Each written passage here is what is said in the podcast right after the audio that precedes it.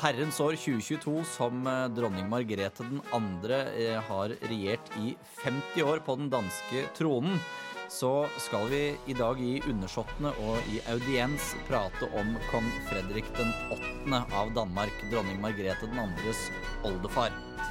Og eh, jeg har da fått med meg storstilt besøk og, og, som gjest. Det er journalist, foredragsholder og forfatter Paul Smith.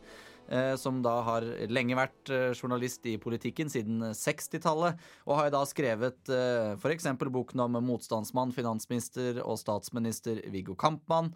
Han har skrevet selvfølgelig biografien om kong Fredrik den 8. av Danmark, som heter Freddy. Klemt kronprins, glemt konge.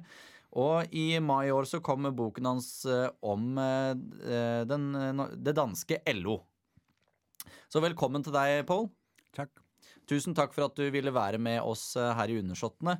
Eh, Og det er jo eh, litt betimelig å spørre eh, hvorfor du ønsket å skrive om, om denne glemte kongen av Danmark. Jeg tror, at det var fordi jeg opdagede, at han var glemt i historien. At der ikke var nogen, der havde skrevet om ham. Det var på samme måde som med den første øh, Øh, statsminister, jeg skrev om. Han var blevet klemt mellem sin store forgænger og sin langvarige efterfølger. Og her har vi så Frederik, Frederik den 8., kronprins i 43 år, 43 år, og ingen har skrevet om ham. Og så siger man, hvorfor er der ikke nogen, der har skrevet om ham? Er det på grund af hans død i Hamburg, hvor han måske havde været nogle steder, hvor kongelige ikke behøver at komme? Eller var det fordi hans far, Christian den 9., der kaldte sig selv Europas svigerfar, er det fordi hans far og hans mor fyldte så meget? Ja, han var i klemme, og så synes jeg, at øh, så skal man skrive om dem, der ikke er skrevet om før. Der er så mange, der skriver biografier om folk, som har skrevet selvbiografier eller to-tre biografier. Men Frederik den 8., øh, Freddy, som han hed i familiens kreds, var stort set ukendt i den danske historieskrivning. Og han var dog, hvad skal man sige, konge i nogle vigtige år. Øh, og han var far til Karl, bror til Wilhelm, som blev til den græske øh, kong Georg, bror til Dagmar, som blev kejser inde i Rusland. Han var i en epoke, som var interessant, og da jeg så begyndte at arbejde med ham, opdagede jeg også, hvor meget hans forældre egentlig ikke brød sig om ham, og hvor svært han havde været. Så det er både en personlig familiehistorie, og det er også en royal historie. Og vi skal jo nå ta, ta en liten gjennomgang av, av livet til kong Fredrik 8. Med, med utgangspunkt i, i din bok 'Freddy eh, klemt kronprins, glemt eh, konge'. Og vi må jo da begynne ved begynnelsen. Den eh, 3. juni 1843, hvor, kong, eller hvor prins Fredrik blir født. Og hvordan var det situasjonen for den familien var da? Var det noen utsikter til tronen? Hadde prins Christian allerede blitt kronprins, eller hva, hva var det som var situasjonen i Danmark da? Ja, men øh, der var ikke stor udsigt til, at det var den gren af familien, øh, der skulle være konge, men det var, og det tror jeg ikke, der er så mange i Danmark, der vil være med til i dag at sige, det var faktisk stormagterne med Rusland i spidsen, som var med til at vælge Christian, som så bliver til Christian den 1. som dansk konge. Den tidligere danske konge, øh, Christian den 8., synes også, det var en god idé, men han var jo tyskerprinsen. Han var så tysk, og det var hans kone også, så det brød man, man sig ikke om. Og Frederik den 7., som var svigerbror med Karl den 15. i Sverige, øh, synes heller ikke, det skulle være ham. Så han var uønsket på tronen, både af den daværende konge, men også uønsket på tronen af store dele af befolkningen. Tyskerprinsen, sagde man, og det var ikke venligt ment. Nei, for Christian, prins Christian, da, faren til prins Fredrik, jo det, kom jo da fra den tyske fyrsteslekten Schleswig-Holstein, Sønderburg-Luxburg, og hans ja. kone prinsesse Louise var jo da Louise av Hessen-Kassel. Ja. Så det var jo noen, noen, eh, noen, linjer her man ikke ønsket, ønsket å dra. Eh, og etterfølgeren til kong Kristian den eh, åttende, Fredrik den syvende, var vel i alle fall ikke vennlig innstilt mot eh, prins Kristian? Nei, han... Øh han talte ned til ham. Han talte, jeg tror også, han kaldte ham tyskerprinsen. Altså, der var en meget, meget dårlig stemning, øh, og den, øh, den mest interessante sammenstød, man kan se, øh, de har, det tror jeg er omkring øh, afsendelsen af Wilhelm til Grækenland. Øh, der skændes de øh, direkte, og Frederik den 7 har ingen respekt øh, for ham, der skal være hans efterfølger. Men øh, det blev han. Men, øh, men øh, kong, øh, kong Frederik den 7. hadde vel et godt øye til prins Frederik? Han ville godt have haft øh, Freddy. Han ville godt have sprunget faren over og taget sønnen. Og der tror jeg, når du rejser det spørgsmål, så har forholdet mellem Christian den 9 dronning Louise og deres ældste søn også været dårligt, fordi der var forsøg på at springe dem over og flytte Freddy, Frederik den 8., direkte på tronen, altså simpelthen se bort fra dem. Og hvis man bliver konge og dronning og har en fornemmelse af, at hele landet ville hellere have haft sønnen på tronen, så bliver han ikke så højt elsket, som forældre normalt skulle holde af deres børn. Ja, for, for øh, prins Fredrik blir jo da av, av Frederik Fredrik den 7. uh, øh, utnevnt til uh, sekundløytnant i, i hæren, altså det som vi i Norge kaller fenrik. Um, og etter hans konfirmasjon, også, eh, i en alder av 18, så blir han jo da ridder av elefantordenen. Eh, og når han da er 19 år, så blir han eh, kronprins. Eh, av Danmark. Og i 1864, eh, så vidt et år ut i regjeringstiden til hans far Kristian 9., så blir det jo da krig. Ja, eh, og det som jeg har lært i skolen av historie, der har man altså talt meget om 1864-krigen mod Tyskland, men man har aldrig før øh, beskrevet at øh, kronprinsen var en del af tilbagetoget i Jylland. Øh, Frederik øh, gjorde en stor indsats øh, som øh, officer i krigen, øh, og man en af de ting, som undrede mig undervejs, det var, at faren ikke takkede ham for at tage del i krigen på kongefamiliens vegne, men var sådan nærmest lidt, lidt kritisk over for, gør du det nu godt nok? Så også i selve krigen. Vi ser et misforhold mellem forældrene og sønnen. Det, som har været interessant for mig, det har jo været at få adgang til kongehusets arkiver med stor øh, støtte fra, fra dronning Margrethe i Danmark, og jeg har også haft adgang til nogle af de norske arkiver på slottet i Oslo øh, fra en senere periode, hvor, hvor Karl er blevet til Håkon. Men jeg har haft stor glæde af at læse brevene fra kongefamilien i København til deres søn i krigen. Det har ikke været en almindelig del af fortællingen i Danmark om krigen i 1864, at kronprins Frederik var med, og heller ikke, at kongefamilien var imod den krig. De så ikke fornuften i det. Det gjorde nogle stortalende nationalliberale, som vi holdt af, fordi de skabte grundloven og frihedsrettighederne, at de så umiddelbart efter begik den allerstørste dumhed i den danske historie at tage krigen i 1864. Det er så den del, vi undertrykker. Vi hylder dem for den gode del, vi glemmer dem for den dumme del.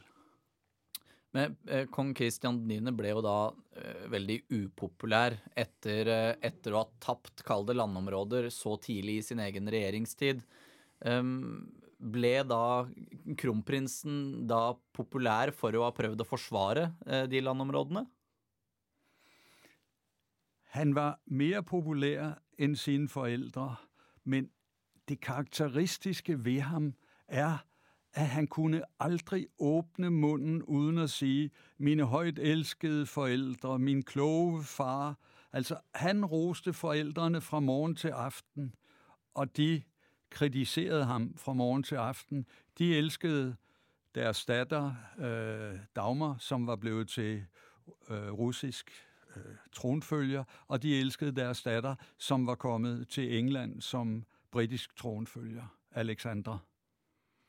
For um... Og de elskede Georg, som var kommet til Grækenland som konge. Men ham, der skulle bare være dansk tronfølger, ham var der ikke plads til i familien. Nei, for det, Dette er jo det, det du nevner nå, er kalt opphavet til denne tituleringen av eh, kong Christian 9. og dronning Louise som Europas eh, svigerforeldre. At eh, de giftet bort da prinsesse Alexandra til, til England, som ble prinsesse av Wales. Og så giftet de bort Dagmar til Russland, som ble, ble mm, storhertuginne Maria Fjodorovna, før hun ble keiserinne senere. Eh, og så da Wilhelm, som ble, ble skippet av gårde til, til eh, Hellas som Georg den første.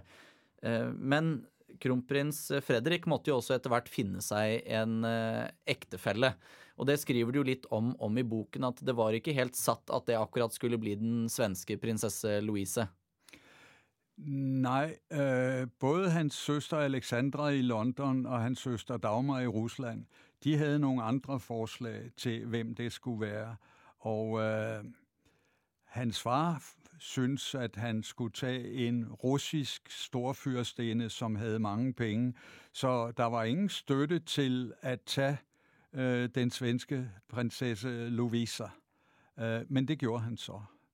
Og øh, det er en ikke så stærk en del af bogen. Man kunne skrive en bog om det alene, og det kan også godt være, at jeg gør det. Men den måde Lovisa blev behandlet på i kongefamilien, de ville hende ikke. Hvad skulle hun der? De havde bedre forslag til, hvem hun skulle gifte sig med. Og når faren siger, skriver, skriver til øh, Freddy på et tidspunkt, jeg tror i 1866, hvor han er på besøg i øh, Sankt Petersborg, skriver han, skulle du ikke lige holde øje med den der øh, storfyrstinde? Hun har mange penge, og det kunne godt være et godt parti i Danmark. Og så skriver han, ja, der er jo også hende oppe i Sverige, som et parti i Danmark ville sætte pris på men det er jo ikke så mange, så hende kan du godt se bort fra. Altså, når den danske konge på forhånd ser bort fra hende, der bliver tronfølger, kronprinsesse og senere dronning i Danmark, så kan man sige, at det er ikke nogen harmonisk begyndelse. Og da, da, kronprins Fredrik gifter seg da med prinsesse Lovisa av Sverige og Norge i, i 1869, så skaper jo dette egentlig bare større avstand mellom foreldre og sønn. For denne svigerdatteren hjelper jo ikke på forholdet. Altså, jeg kan ikke bevise præcis, hvornår misforholdet begynder, men øh, kritikken af den svenske kronprinsesse, som hun bliver, den begynder næsten i øjeblikket, hvor de bliver gift. Altså, der er breve, øh, som viser en disharmoni, ikke i ægteskabet, men en disharmoni i forholdet mellem svenske Louise og den danske kongefamilie. Det kulminerer med et brev, som jeg har fundet i Hannover, i det hannoveranske kongehus. Øh, og det må jeg fortælle. Fordi der sidder man så øh, med en studentermedhjælper, som er god til at læse gammel håndskrift. Og så kommer der et brev ind, hvor den danske dronning Louise har skrevet til øh, sin datter, der er, er gift der i, med det hanoveranske kongehus, skriver om kronprinsessen, om sin svigerdatter. Det afskum. Jeg tror, jeg hader hende. Det afskum jeg tror også, at den, ordet findes på norsk. Afskum. Det er ikke særlig venligt. Det afskum, jeg tror, jeg hader hende. Så siger man til øh, arkivaren, må jeg ikke godt tage en kopi af det brev? Nej, der var kopiforbud. Jamen, kunne vi ikke bare lige, når jeg kommer hjem med det, der er ingen, der vil tro, at hun kan have gjort det. Bare, jeg har læst 300 brev, må jeg ikke bare få en kopi af det her? Nej, så siger jeg til studenten, du er mit vidne. Men vi er to, der har læst det, og, men det er jo helt ufatteligt. Øh, og det har så været, øh, det var så en vanskelighed ved at skrive bogen. Der er så meget had samlet op. Hvad skal man som forfatter gøre for ikke at forvirre læserne hele vejen? Og du, som har læst bogen, kan måske sige, om, om, om, om jeg var heldig, men, men jeg gør det, at jeg først, da den danske dronning Louise dør, så ruller jeg tiden tilbage og siger, hvordan har hun og døtrene behandlet svigerdatteren hele vejen igennem. Og det tror jeg giver et meget stærkt indtryk af, at øh, det var ikke så godt. Jeg håbede jo meget, at, at bogen ville øh, skabe lidt vrede i Sverige, og sådan en, en dansk-svensk fejde om, hvordan man havde mishandlet en svensk prinsesse. Ikke? Sverige kunne jo kræve en undskyldning af Danmark, og så kunne bogen blive solgt. Men så skete der jo selvfølgelig det, at bogen udkom dagen efter, at den danske statsminister lukkede landet ned. Og jeg ved ikke, om jeg kan sige det så klart på norsk, men det er meget, meget svært at komme på bestsellerlisterne, når boghandlerne har lukket. Men dette, dette, dette brevet da, som, som, eh, du fant hvor du beskriver dette, det antar jeg da at var solgt, sendt til, eh, til prinsesse Tyra av. Eh, Hanover, hertuginnen av ja, Cumberland, ja. som også var en av døtrene til Christian 9. Den yngste av døtrene, ja. Og dette, dette forholdet blir jo kjølig egentlig, egentlig, hele veien. Så av det jeg har lest tidligere, så eh, Eh, er jo dette giftermålet egentlig en del av denne store skandinavistiske ideen om på en måte å samle disse tre kongerikene på en eller annen måte. Eh, ettersom eh, Karl den 15. av Norge og da Karl den, nei, Karl den 15. av Sverige og Karl den 4. av Norge da ikke hadde noen, noen sønner. Så tronen går jo videre til hans, hans bror Oskar 2. Og men, men, denne kong Karl eh, introduserer eh, kronprins Fredrik til en, en, orden som skal bli ganske viktig for hans, eh, for hans videre liv, og det er frimurerordenen. Der er eh, en, en vigtig del av bogen er jo skandinavismen, og eh, det er meget, meget stærke øh, kræfter blandt skandinavisterne i både Sverige og i Danmark om at øh, skabe en plads for, at Frederik og svenske Lovisa kunne blive det kongepar, som forenede Danmark, Sverige og Norge. Og det er også, hvad skal man sige, en del af fortællingen om, at de er, det er ikke bare Frederik den 7., men det er skandinavisterne som helhed, der er ved at rykke Frederik og Louisa fremad øh, i tronspillet foran forældrene, og det som, hvad skal man sige, også er med til at skabe misforholdet. Det var tæt på, men øh, så dør Frederik den 7. og øh, Karl den 15. Øh, var heller ikke på det tidspunkt nogen stærk konge mere, tror jeg. Men, men denne, denne frimurordenen, den har, jo, den har jo tidligere vært, øh, vært Eh, stor i, i Danmark med at det var naturlig at, at, kongene, tidligere konger av Danmark, var stormester av frimurerordenen, noe også Karl 15. av Sverige og Norge var. Men Kristian 9. Hadde, hadde ikke noe forhold til frimurerordenen, men kronprins Fredrik da tok på seg og ble etter hvert stormester av den danske frimurerordenen. Hvis, hvis man ser Christian 9. og dronning Louise og perioden hvor de optræder og giver sig selv karakteren af Europas svigerforældre, der er der jo ikke noget tidspunkt, hvor de kigger mod Norge og Sverige. De kigger øh, ud mod Europa, mod England, mod Rusland. Den russiske kejser er med på øh, fredensborgdagene, øh, men der er ikke noget nordisk, øh, noget skandinavistisk over det. Altså Christian den 9.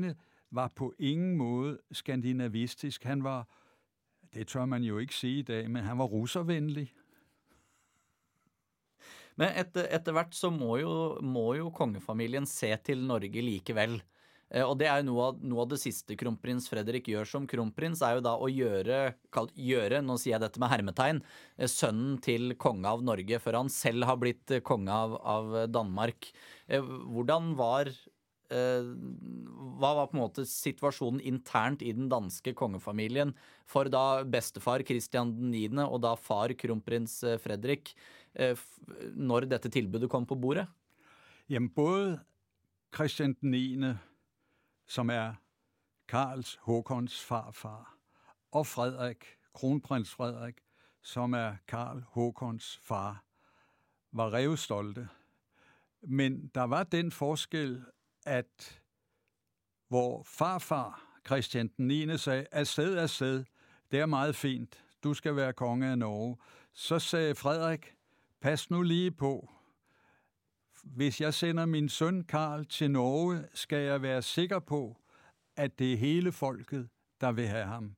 Vi er efter unionsopløsningen, og det er vanskeligt. Vi skal ikke være uvenner med svenskerne, som har tabt Norge.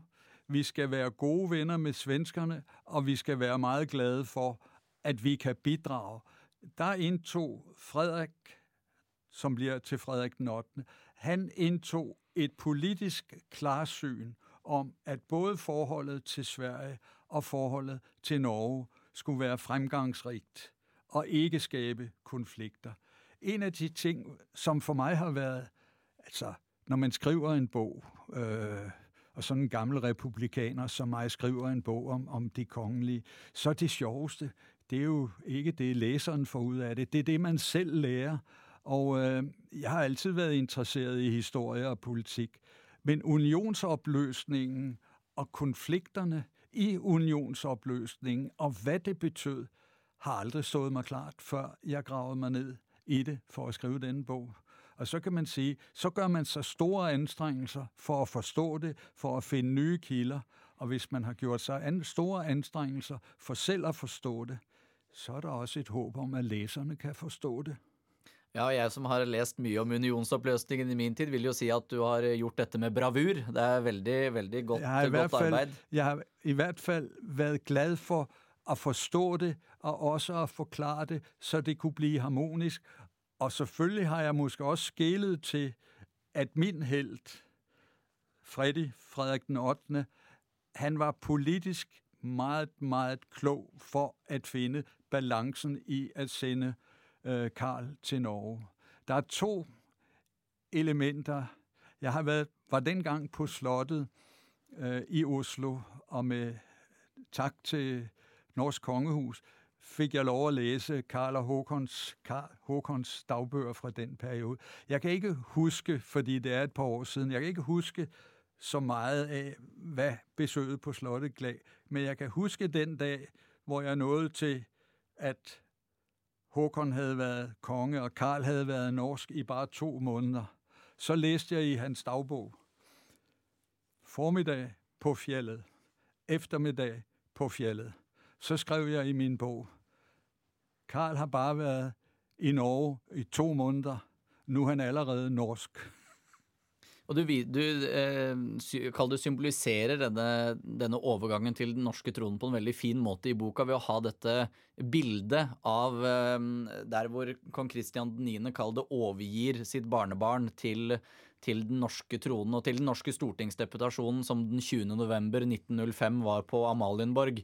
Hvor du da ser kong Kristian 9. med talen i hånden. Eh, kong, eller prins Carl, som han da het, står med det ene foten opp på tronpodiet.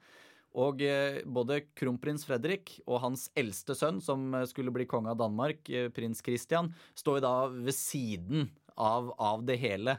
Eh, tror du at det kan ha vært en, eh, en, form for, ikke bitterhet, men en litt misunnelse for at, at eh, prins Carl skulle nå denne kongeverdigheten før hans far, som hadde ventet så lenge på det? Jeg har lest og skrevet det som en harmonisk handling. Frederik, kronprins Frederik i Danmark, Frederik den 8., og hans kronprinsesse og senere dronning Lovisa af Sverige, de havde jo en datter, som var gift med den svenske kandidat, så de kunne sige, at de fik et barn på tronen i Norge på den ene eller den anden måde. Øh, og der var der er ingen tvivl for mig om, at de anså det for klogest at sende Karl afsted, og at de gjorde det i fuld forståelse med Christian den ene. Øh, så jeg vil sige, at det danske bidrag til Norges trone har været nordisk harmoni, når det var bedst. Ja, det... det er vel også derfor, det fungerer så godt i dag. Det er ikke så længe siden, at øh, den norske konge var til Margrethes 50-års regentjubilæum. Nej, altså i kongehuset er der en, en fornuftig harmoni i dag mellem de nordiske lande. Meget bedre end på det politiske plan. Og eh, Kronprins Fredrik trengte jo da ikke vente så veldig lenge på å få inngå i kongeverdigheten selv etter å ha sendt eh, sin nest eldste sønn til Norge. For året etterpå, i 1906, så går jo da eh, Kristian 9. bort. Han har sittet og spilt kort med sine, sine, to døtre. Og går jo da og legger seg, og det blir kaldt på livlegen, for nå er det ikke lenge, lenge igjen. Eh, hva var på en måte etterløpet for, for kronprins Fredrik da, i 1906, da han plutselig ble konge? Jeg tror han var en populær konge, men det er klart at hans far har siddet på tronen i 43 år, og hans Altså, vi er jo tæt på situationen i, i England i dag, at øh, Frederik havde ventet på at blive konge i 43-43 år. Det er længe at vente på at udfylde den eneste post, som man er uddannet til, og den post, som man først får, når ens forældre er væk. Øh, jeg tror, altså jeg har læst beretningerne fra de folk, som stod på pladsen på Amalienborg, da Frederik blev udråbt. Og jeg tror, at han var lige så populær, eller lige så populær, som, som de andre, der bliver udråbt. Jeg selv, uh, Charles i England, synes at være en populær skikkelse i forbindelse med udråbelsen. Sådan er vel uh, monarkiet, at når den næste melder sig til tjeneste, så er det det, man vil, fordi det kan ikke være anderledes. Men han, han tar jo da på seg en litt annen kongerolle enn det hans far Kristian 9. har hatt. Fra å kalle det denne eh, reaksjonære, veldig gammeldagse kongen som gjerne ville utnevne sine, sin statsminister og altså, så blir det en litt annen, annen form for dynamikk sånn politisk sett mellom Riksdagen og, og den danske kongen. Vi er vel nået dertil, hvor man i en podcast i Norge godt kan sige, at Christian den 9. var en dybt, dybt, dybt reaktionær konge. Så konservativ, at det gjorde ondt. Han valgte de mest reaktionære øh, statsminister og nægtede at imødese, at vi var på vej mod parlamentarismen. Det var ikke sådan, at Christian den 9. i 1901 overgav sig til parlamentarismen og til folkestyret og Folketinget, øh, Stortinget, som dem, der skulle bestemme. Det gjorde han nødtvunget, fordi udviklingen havde gjort det umuligt at undertrykke venstrekræfterne, de progressive og socialdemokraterne. Men havde han kunne dreje halsen om på dem øh, helt op til 1901, så havde han gjort det. Ja, ja, det er sjov. En af de sjove ting, øh, i bogen, det er jo, at øh, i 1872, 1872, hvor der er et opgør mellem socialdemokrater, de første grønne socialdemokrater, og så kongemagten. Øh, der er der en stor, stor begivenhed i Danmark, som er kendt som slaget på fælden, hvor politiet og militæret undertrykker arbejderne. Og der skriver Christian den 9. hjem fra Athen, hvor han er nede og besøger sin søn. Der skriver han til Frederik, og det er den eneste gang, han roser Frederik. Der fik du gjort has på dem. Nu er vi formentlig færdige med dem for tid og evighed. Altså, den danske konge troede i 1872, nu var det med Socialdemokratiet eller Arbejderpartiet, øh, det var forbi for altid. Og det var hans håb og hans drøm. Ja, han var en dybt reaktionær øh, konge, og man vidste godt i 1906, da Frederik bliver udråbt, at han er en meget mere progressiv og fornuftig mand. Og så da fra, Han blir jo da konge i 1906, og han regjerer jo ikke lenger enn til, til 1912. Eh, og da eh, Paradoksalt nok så er det jo dødsfallet til kong Fredrik 8. som er det mest kjente om hans kongegjerning. Eh, for han går jo da bort i, i, i Hamburg. Eh, og hva, hva er kall det opptakten til, til denne bortgangen? Når du, når du siger det på den måde i dit spørgsmål, så er det vel også en del af forklaringen på at jeg skrev bogen. Altså, en konge der er mere kendt for sin død end for sit liv. Det kan ikke være rigtigt. Det må kunne gøres anderledes. Men, men han er jo... Øh, jamen altså, jeg, jeg kan huske øh, i historieundervisningen i skolen, da, da lærer Fransen sagde, ja, Frederik Nordne, det var så ham, der døde på bordellet i Hamburg, så ham behøver vi ikke at tale om. Øh, og så begynder, hvad skal man sige, journalisten at sige, kan vi nu finde ud af, om det er rigtigt? Og jeg har været i Hamburg tre gange, og jeg har også begået mange fejl, og jeg kan ikke bevise, hvad der er foregået. Jeg kan fortælle en interessant historie om, at da han er fundet død på gaden, eller dør på gaden, dør i en taxa, hvor man vil køre ham på sygehuset, så bliver han lagt i øh, ligehuset nede ved floden, og der henter hoffolkene ham øh, klokken 4 på morgenen og sætter ham i en åben taxa, siger til chaufføren, nej, han er ikke død, han er bare meget syg, og kører ham til hotellet og lægger ham i sengen, for at han skal dø i sin seng og ikke på gaden. Der begynder hele spekulationen om, hvad havde han lavet, før han faldt om på gaden. Og der kan man sige, det man finder i hans lommer, de penge, han havde med, der er meget, der tyder på. Han havde også et par adresser, han kunne opsøge. Jeg har fundet mange tegn på, at han havde været et sted, som ikke var så kongeligt, som det kunne være. Det jeg, øh, men jeg har ikke fundet den rygende pistol. Øh, jeg drømmer stadigvæk om øh, at finde den. Jeg har en plan om at se nogle arkiver i Udenrigsministeriet i Washington. Jeg tror, der ligger en indberetning fra en amerikansk ambassadør i København og fra en amerikansk ambassadør i øh, Berlin om, hvad det er, man ved om dødsfaldet. Men der har jeg været den, hvad skal man sige, den dumme journalist, som troede, at sandheden skulle findes i Hamburg. Nej, sandheden skal findes i en af de hovedsteder, som fik en oprigtig beretning om, der var sket, hvad der var sket.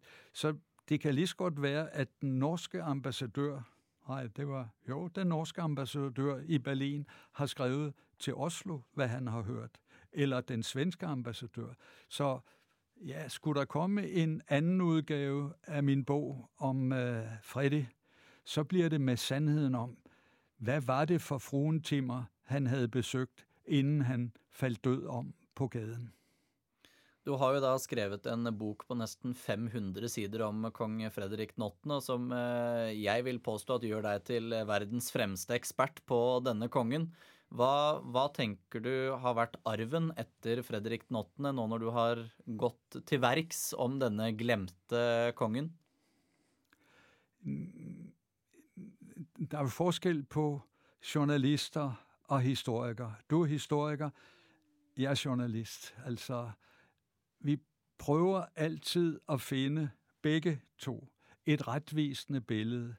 Men journalisten er hurtigere til, til ikke bare at sige, hvad skete der, hvordan skete det, men vi spørger også, hvorfor skete det? Og øhm, jeg synes, jeg synes det mest opmuntrende ved at skrive bogen, det er at se det som et familiedrama i kongehuset. Altså sønnen, som kommer i klemme, hans kone, som kommer i klemme, kongeparet og hans søskende, som ikke er venlige, men altså, hedder det mobning på norsk også? Mobning. Mobning? Jeg har aldrig forestillet mig, at en familie kunne mobbe, deltage i mobning på det niveau, som foregik der. Det er skræmmende, og jeg tænker mig, at jeg må skrive historien om, hvordan man mishandlede en svensk prinsesse i Danmark. Jeg vil jo da til slutt anbefale alle våre lyttere å lese 'Freddy klemt kronprins, glemt konge' av eh, Paul Smith. Tusen takk til deg, Paul, for at du ville, ville gjeste podkasten og, og berike oss med din kunnskap. Selv tak. Mange tak. Vi lyttes.